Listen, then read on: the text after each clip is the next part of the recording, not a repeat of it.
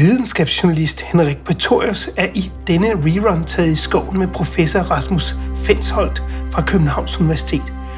Hør ham fortælle om overraskende satellitbilleder, som ikke passer med vores myter og forestillinger, og som skaber konflikt mellem forskere, byråkrater og politikere, som har forskellige interesser i resultaterne. Jeg hedder Jens Deget, og dette er Science Stories.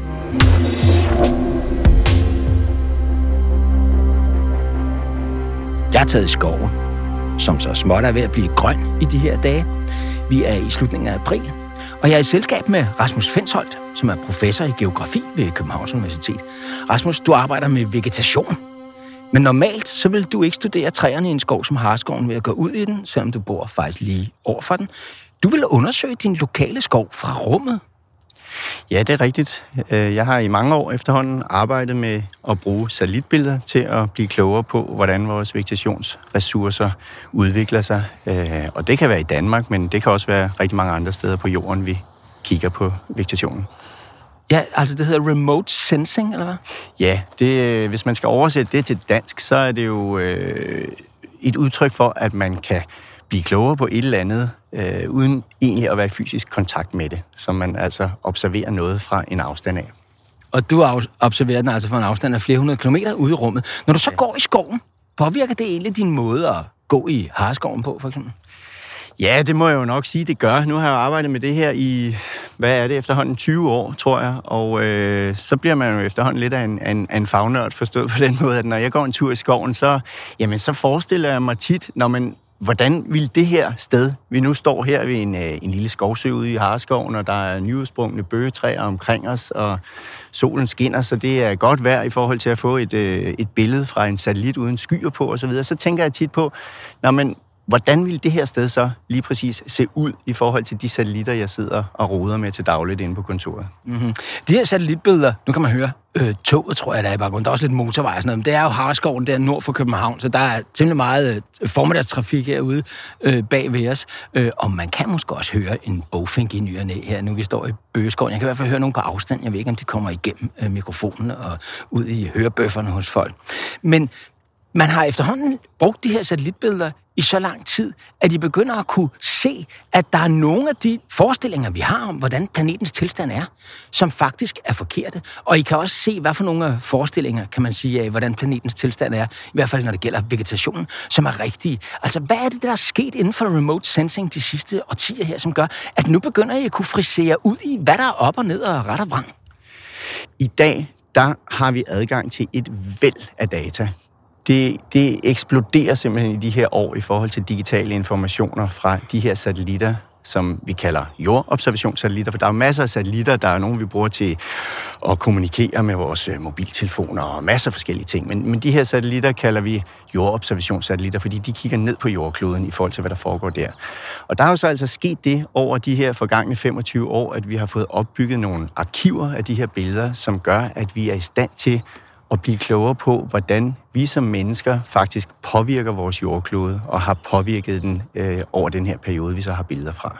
Og der kan vi altså, fordi at vi har en, et arkiv nu af de her tidsserier, som vi kalder dem, altså hvor vi har daglige data, øh, dag ud og dag ind, år ud og år ind over en 30-årig periode, så kan vi meget, meget detaljeret se, jamen, hvordan ændrer i det her tilfælde vegetationsressourcer sig over tid. Og, og vi arbejder så på at blive klogere på, om det er os som mennesker, som har en direkte indflydelse på, hvordan de her ændringer de sker, øh, eller om det for eksempel i højere grad er, er klimaet i sig selv, som, som er styrende. For, øh, man kunne snakke om for eksempel et, et tilfælde, hvor hvis man havde nogle gevaldige tørkeår, jamen så ville det selvfølgelig have en indflydelse på vegetationen. Så, så vi arbejder med det her med altså, at prøve at adskille årsagsvirkningerne til de ændringer, vi kan se fra satellitterne. Ja, fordi vi har jo i mange årtier, og måske i mange hundrede, haft øh, forskellige idéer, præget af alle mulige forskellige strømninger, øh, tankestrømninger, om at øh, hvordan det går med naturen, om, øh, om vi skal rydde den væk og lave parkeringspladser, eller om vi i stedet for skal, og så videre. Øh, om det går fremad med landbrug, om øh, hvad skyld er det egentlig, der kommer hungersnød? Er det krig, der er skyld i det? Eller øh, kommer tørkerne på grund af klimaforandringer? Eller er, de, er det normale naturlige svingninger osv.? Og I kan begynde at frisere ud i nogle af de her stridsspørgsmål, som i virkeligheden er politiske øh, stridsspørgsmål? Ja, der er jo mange af de, de forestillinger, vi gør os om, hvordan vores miljøressourcer ændrer sig over tid, som jo har en, øh, hvis man skal bruge et fint ord, en, en normativ ladning. Altså, der er en, der er en, øh, vi har en, en forestilling om noget er godt eller skidt, øh, hvordan verden hænger sammen, og hvordan øh, vi som mennesker påvirker vores jordklode. Og der kan vi bruge satellitbilleder til at gå ind og, og faktatjekke, om de her forestillinger passer med, med den virkelighed, som vi kan udlede øh, ved at kigge på de her tidsserier data. Mm. Og vi skal her i dag, øh, i mens fuglene søger, øh, og bilerne kører i baggrunden, så skal vi øh, snakke om fire af de her, hvad kan man sige, facts, eller det vi har troet tidligere var facts, eller i hvert fald ment var facts, og, og hvorvidt de så viser at øh, så at være rigtige eller ej. For eksempel, spreder ørkner sig mere og mere på jorden, eller gør de ikke? Øh, er det virkelig kommersielle kræfter, der ødelægger øh, skovområderne, for eksempel i det sydøstlige Asien, eller er det ikke? Og så, vi har flere, vi har i alt øh, fire eksempler, men før vi lige kaster os over dem, og begynder at finde ud af, hvad så op og ned i de myter, eller øh, facts, så kunne jeg godt tænke mig at høre, hvad kan I egentlig se for rummet? Altså for eksempel, når vi står her, nu begynder bladhænget at tætnes over os. Bøgeskoven, den er øh, lysegrøn, og øh, kommer vi en måned frem, så kan man sikkert ikke se ned fra luften og fra en satellit på os. Kan I se, hvad kan I, hvor langt kan I se ned, og hvad kan I egentlig se for? Hvad for data er det, I kan finde i de her satellitbilleder? Ja, der findes rigtig mange forskellige satellitter øh, i dag, som cirkulerer over vores hoveder, og, og de her satellitter er udstyret med forskellige typer af teknologi. Så vi bruger en lang række af forskellige billeder, hvor at nogle billeder er, er gode til at se nuancer, for eksempel i bladene og øh, den mængde af klorofyl, som, som er i, i de enkelte blade. Det er, hvor grønne de er i virkeligheden. Det er præcis, hvor grønne de er. Øh, hvor, hvor, hvor godt går det med fotosyntesen øh, for det her træ eller for det her område i en skov. Men så er der også andre typer af satellitbilleder, som opererer i det, vi kalder et andet bølgelængdeområde. Øh, og hvis vi bruger nogle bølgelængder, som er meget, meget længere, øh, det der hedder mikrobølger, øh, så kan vi blive klogere på, hvor store er træstammerne nedenunder bladene, for eksempel. Så I kan se ned under bladhænget der. I kan se, hvor, hvor, meget, træ, hvor meget træmasse der er i en skov? Ja, det kan vi, og det er en teknologi, som er, er under stadig, stadig udvikling, at, at vi kan det. Men det er et fint eksempel på, at øh, der er ikke en type billeder, som er bedre end en anden. Det kommer simpelthen an på, hvad det er, man ønsker at blive klogere på, og øh, meget ofte, jamen, så kombinerer vi en, en lang række af de her forskellige øh, datatyper for at, at danne os et, et helhedsindtryk af, af, af vegetation. Mm. Kan I se noget i jordbunden under os, her hvor vi står nu? Der findes også typer af satellitter, som faktisk kan sige noget om, specielt om, om øh, vandindhold i den øverste del af jordbunden, sådan ned til en halv meters penge. Mm-hmm. Så du kan altså ved at sidde og studere billeder, hvis du ellers skal få lov at låne den fra dem, der ejer satellitterne, så kan du se dels, hvor meget vand er der i undergrunden under os. Du kan se dels, hvor meget træmasse er der, og det kan sige noget om, hvor tæt træerne står, eller hvor tykke stammerne er osv. Eller altså, hvor meget vil der være, hvis man brændte af og fældte det, for eksempel. Øh, og så kan du se, hvordan går det med fotosyntesen i bladene, øh, Øh, hvordan har skoven. Det er faktisk, hvad kan man sige, du kan ikke få et lige så godt overblik ved at gå en tur i skoven, eller? Vi kan, vi kan øh, tage pulsen på vegetationen på en anden måde ved at se på den fra 800 km afstand, end, øh, end vi faktisk kan gøre ved at gå en tur i skoven. Man kan selvfølgelig også gå ud og måle på øh, skovens tilstand med instrumenter øh, i selve skovbunden, og, og og det er sådan set også en, en væsentlig pointe, vil jeg sige, fordi at det er svært at fortolke på et eller andet, som du ikke har en kæft viden omkring. Er det sådan, at, at I ligefrem lærer, hvad det egentlig er, der er at se i satellitbilledet ved at gå ud og tjekke i virkeligheden, hvordan har tilstanden i skoven det? Og så kan I, hvad kan man sige, så kan I sige, okay, så ved vi, at når det ser sådan ud på billedet, så ser skov, skoven sådan ud nedenunder os. Ja, det synes jeg er meget fint øh, dækkende for det, fordi at øh, i de år, jeg har arbejdet med det her, så, øh, så har vi fået adgang til et, et stadigt stigende netværk af det, vi kalder sådan nogle ground control points, hvor man faktisk måler de selv samme ting, som satellitten måler nede på landjorden. Og det bruger vi ligesom til at kalibrere de signaler, vi får fra satellitten. Så det er sådan det tekniske øh, del af det, at vi laver en, en, øh, en kalibrering af signalet, men det gør også, at for de her ground control points, som, som er et globalt dækkende netværk i dag, jamen der har vi selvfølgelig også en detaljeret viden om, hvad er det for en arealanvendelse, vi har her, hvad er det for en type træer, eller hvad er det for en type vegetation, er det et savannelandskab osv. osv. Og den information er væsentlig for at kunne drage de rette konklusioner i forhold til de billeder, vi kigger på. Godt, lad os så se. Nu ved vi, hvordan I gør. Øh, lad os så se på, hvad er det så, I for eksempel har fundet ud af. Her i, jeg tror det var februar, der havde I et resultat i øh, videnskabelige tidsskrifter om, at jorden ganske vist er blevet grønnere, men at det ikke skyldes de årsager, vi hidtil har troet. Prøv lige at forklare, hvad er det, I har opdaget, og hvorfor er det vigtigt? Ja, vi har øh, i et øh, internationalt forskerhold øh, i samarbejde med folk fra Boston øh, blandt andet, som, som har ledet øh, den her analyse, du refererer til her, der har vi kunne konstatere, at på global skala er jordkloden blevet grønnere over de sidste 20 år. Og, og, og, og det havde man da også regnet med, ikke? Jo, altså der har været sådan en generel konsensus om, at den forøgede mængde CO2 faktisk har haft en gavnlig effekt på vegetationen. Fordi at øh, planter, de kan jo, øh, de har jo brug for vitaminer, og, øh, og det er jo sådan, at planter, når de fotosyntetiserer, jamen så bruger de jo faktisk CO2 til at skabe sukker og biomasse.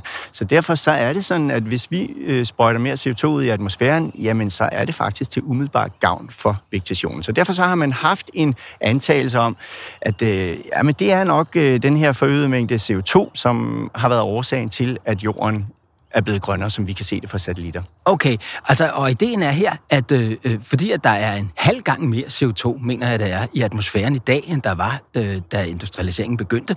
Vi har simpelthen øh, smidt 50 procent oveni. Så, øh, så gør det det jobbet, med, som planterne har i bladene med at omsætte CO2 til sukker ved hjælp af energi fra solen i den øh, proces, der kaldes fotosyntesen, så gør det det job nemmere. Det svarer til at gøde planterne, og derfor har man forventet, at jamen, så må skove over hele verden, Amazonas, alle mulige mærkelige steder, så må mængden af trævækst og så videre stige, og det er jo positivt, kan man sige, set i en klimasammenhæng, fordi så må man forvente, at noget af alt det CO2, vi henter op i form af olie og gas fra undergrunden osv., brænder af og kul osv., det ryger tilbage i naturen. Det bliver, der, træerne tager sig af og rydder op efter os, kan man sige. Hvad er det så, I har fundet ud af?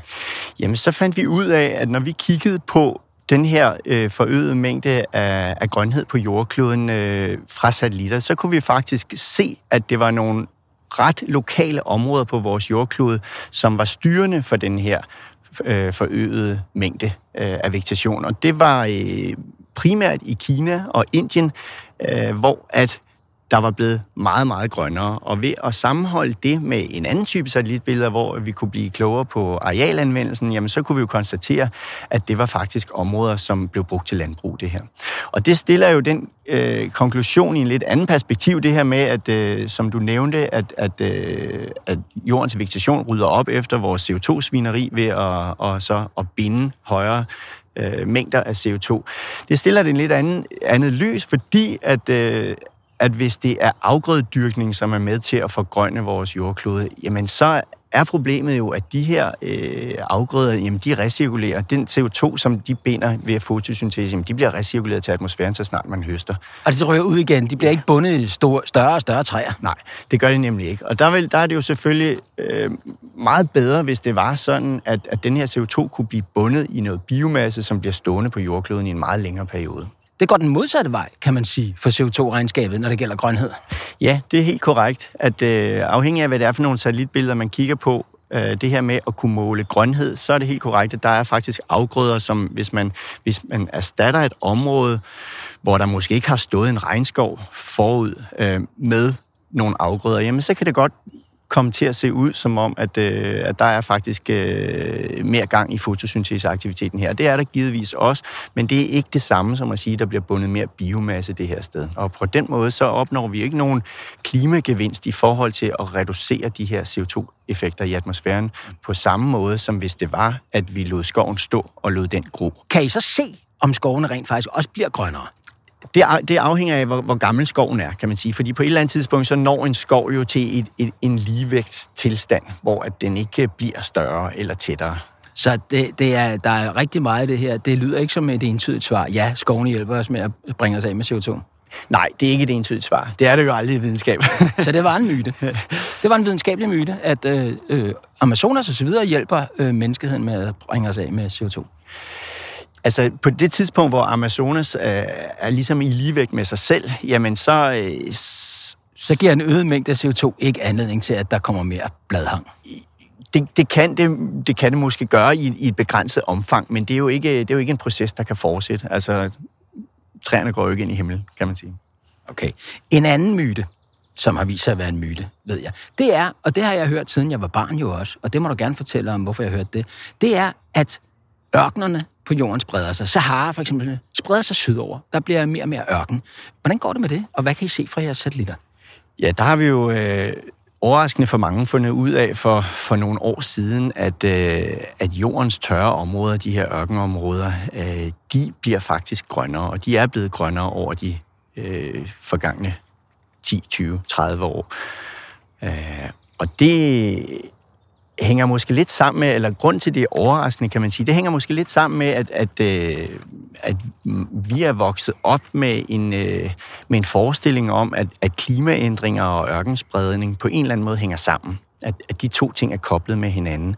Men det er faktisk ikke tilfældet. Det er sådan, at, øh, at når vi kigger på de sidste 30 års satellitbilleder, så er der blevet øh, markant grønnere i, øh, i store øh, dele af, af jordens tørre områder. Vi har haft specielt fokus på et område, i, der hedder Sahel, som øh, dækker alle de lande, der ligger mellem øh, Sahara i Afrika og den øh, og regnskoven i det tropiske Afrika. Det er et rigtig tørt område, og der bor øh, flere hundrede millioner mennesker i det her område syd for Sahara, og, øh, og det kom på øh, tapetet øh, i, tilbage i øh, 80'erne, hvor at, øh, der var nogle gevaldige tørkeår i det her område, som gjorde, at der var hungersnød, og der var øh, rigtig, rigtig mange millioner mennesker, som led under de her forhold. Og øh, det var... Simpelthen fordi, at de kommer til at mangle vand til deres afgrøder og så videre. Høsten slår fejler, når det sker 3-4 år i træk og så videre. Så har folk simpelthen ikke mere at spise. Så har de ikke mere at spise, og, øh, og en stor del af de mennesker, som øh, lever i de her områder, de øh, er det, vi kalder pastoralister, og det, det, det er sådan lidt en, en afart af, af nomader. Det betyder, at de vandrer rundt med deres kvæg.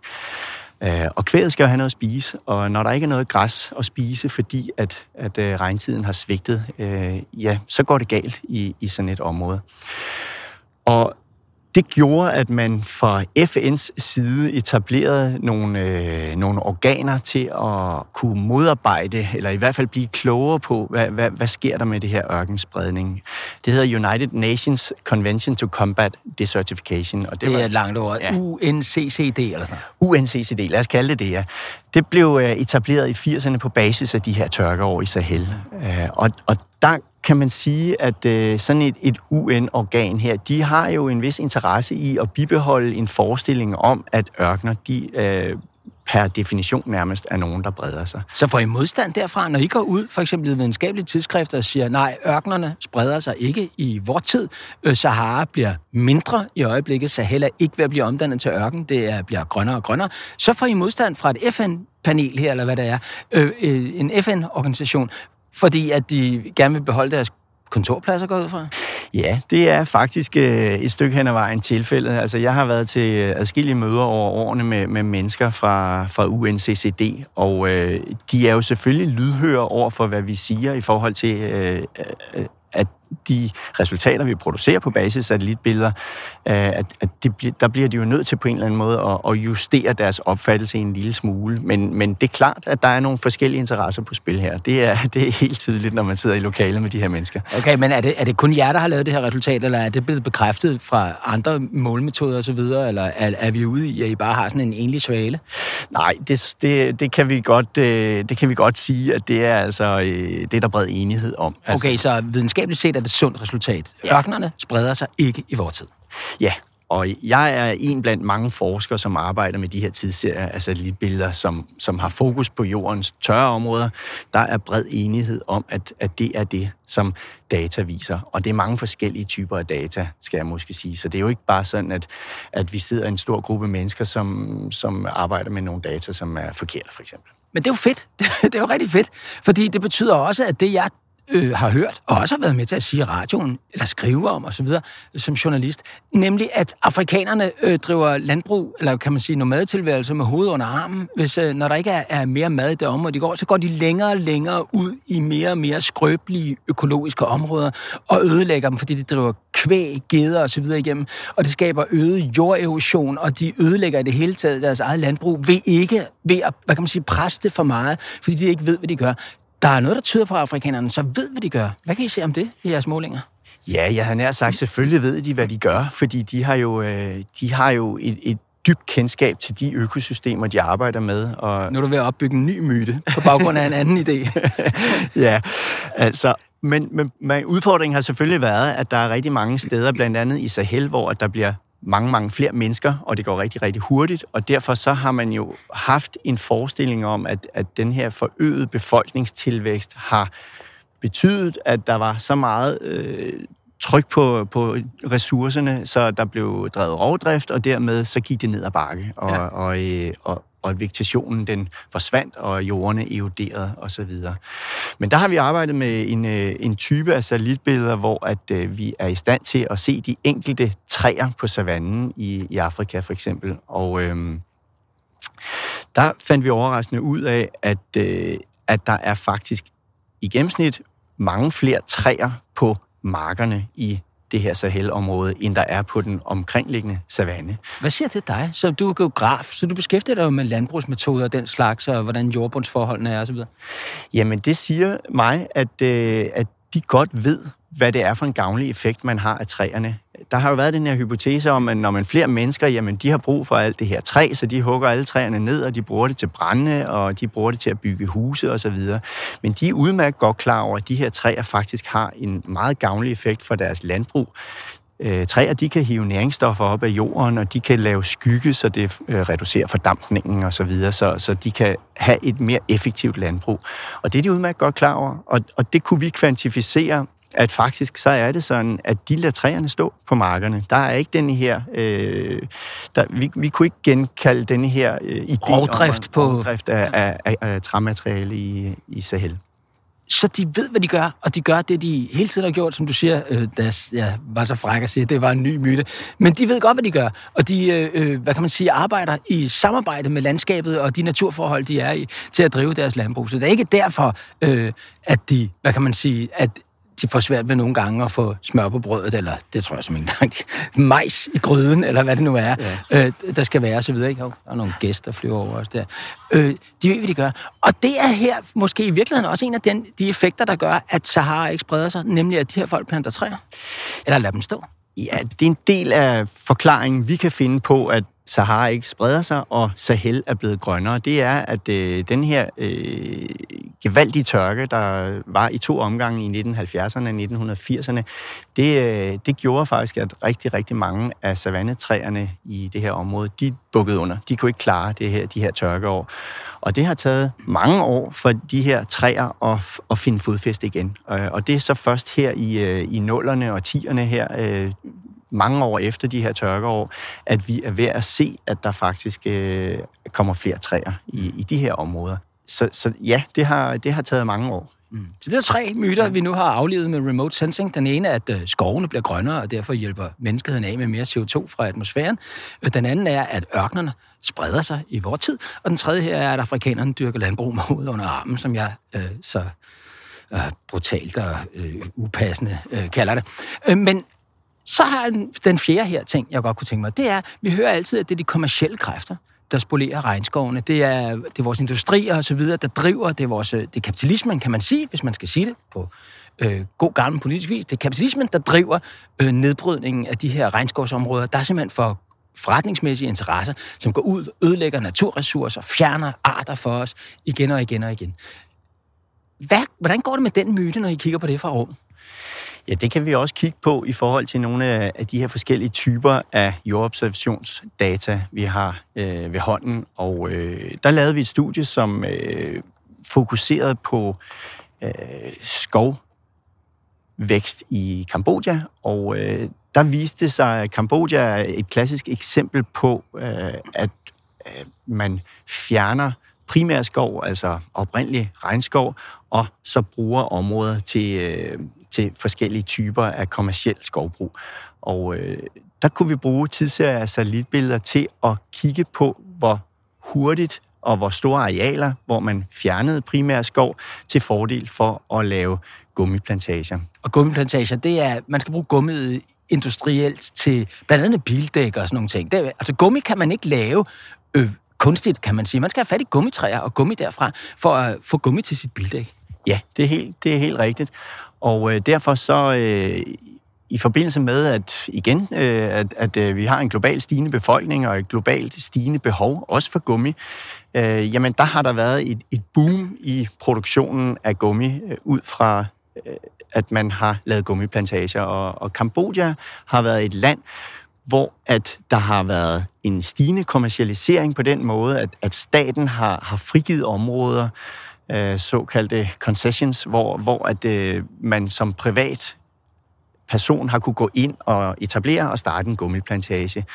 Og der brugte vi data til at kigge på, hvordan har den her udvikling så gået over de sidste 20 år. Og der kunne vi øh, overraskende nok, eller jeg ved ikke, om det er overraskende, men der kunne vi i hvert fald vi kunne se en overraskende klar sammenhæng mellem den globale øh, markedspris på gummi, altså hvad koster, øh, en, en, øh, hvad koster gummi i dollar, i forhold til hvor store arealer, der blev afskovet og konverteret til gummiplantager i Kambodja. Der, det, det var simpelthen, der var en meget, meget direkte sammenhæng, og det fortæller jo også, at, øh, at folk er omstillingsparate. Altså, hvis, øh, hvis der er et marked for noget, og, og, og sådan et marked bliver frigivet, så bliver der hugget til, og, der, og, og, og den her sammenhæng mellem, at øh, gummiplantager bliver etableret, og, og, og den her gummipris, jamen hvis man forskød den her øh, sammenligning med ni måneder, så fandt vi, at der var en snorlige årsagsforklaring jo større arealer, der blev fjernet øh, af primærskov og blev opdyrket som gummi et givet år,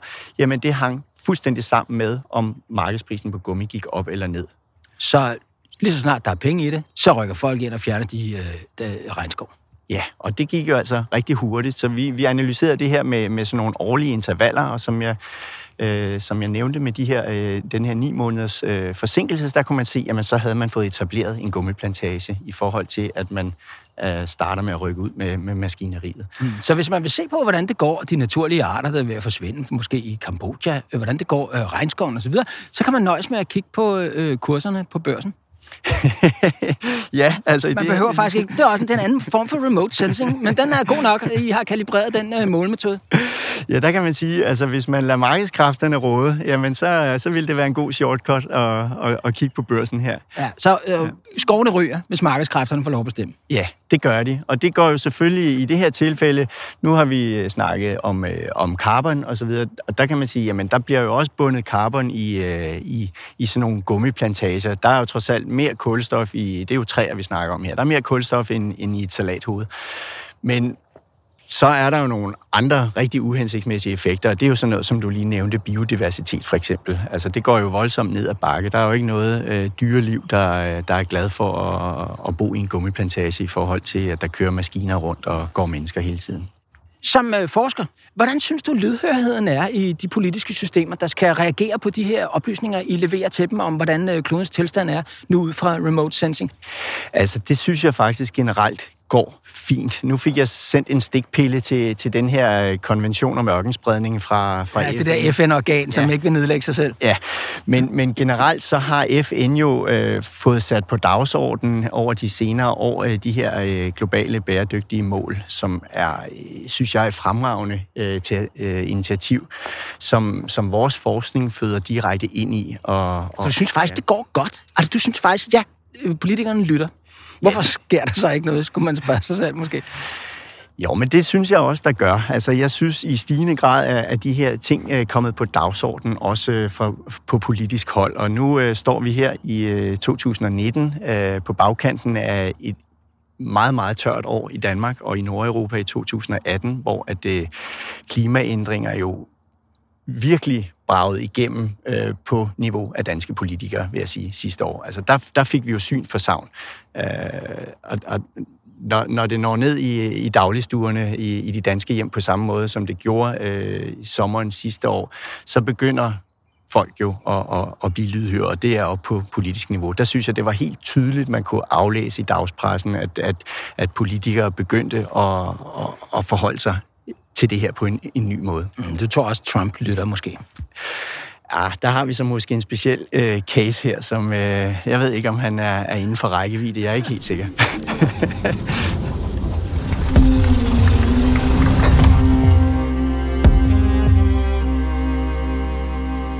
Hvis du holder af historier om videnskab, kan du finde Science Stories hjemmeside på www.sciencestories.dk. Vi er på sociale medier som Facebook, Instagram, LinkedIn og Twitter. Du kan finde vores podcast på de fleste podcastudbydere som SoundCloud, Podimo, Spotify, og hvis du bruger Apple Podcast, må du meget gerne give os en rating og en kommentar, så andre også kan finde os. Jeg hedder Jens Deget, og dette var Science Stories.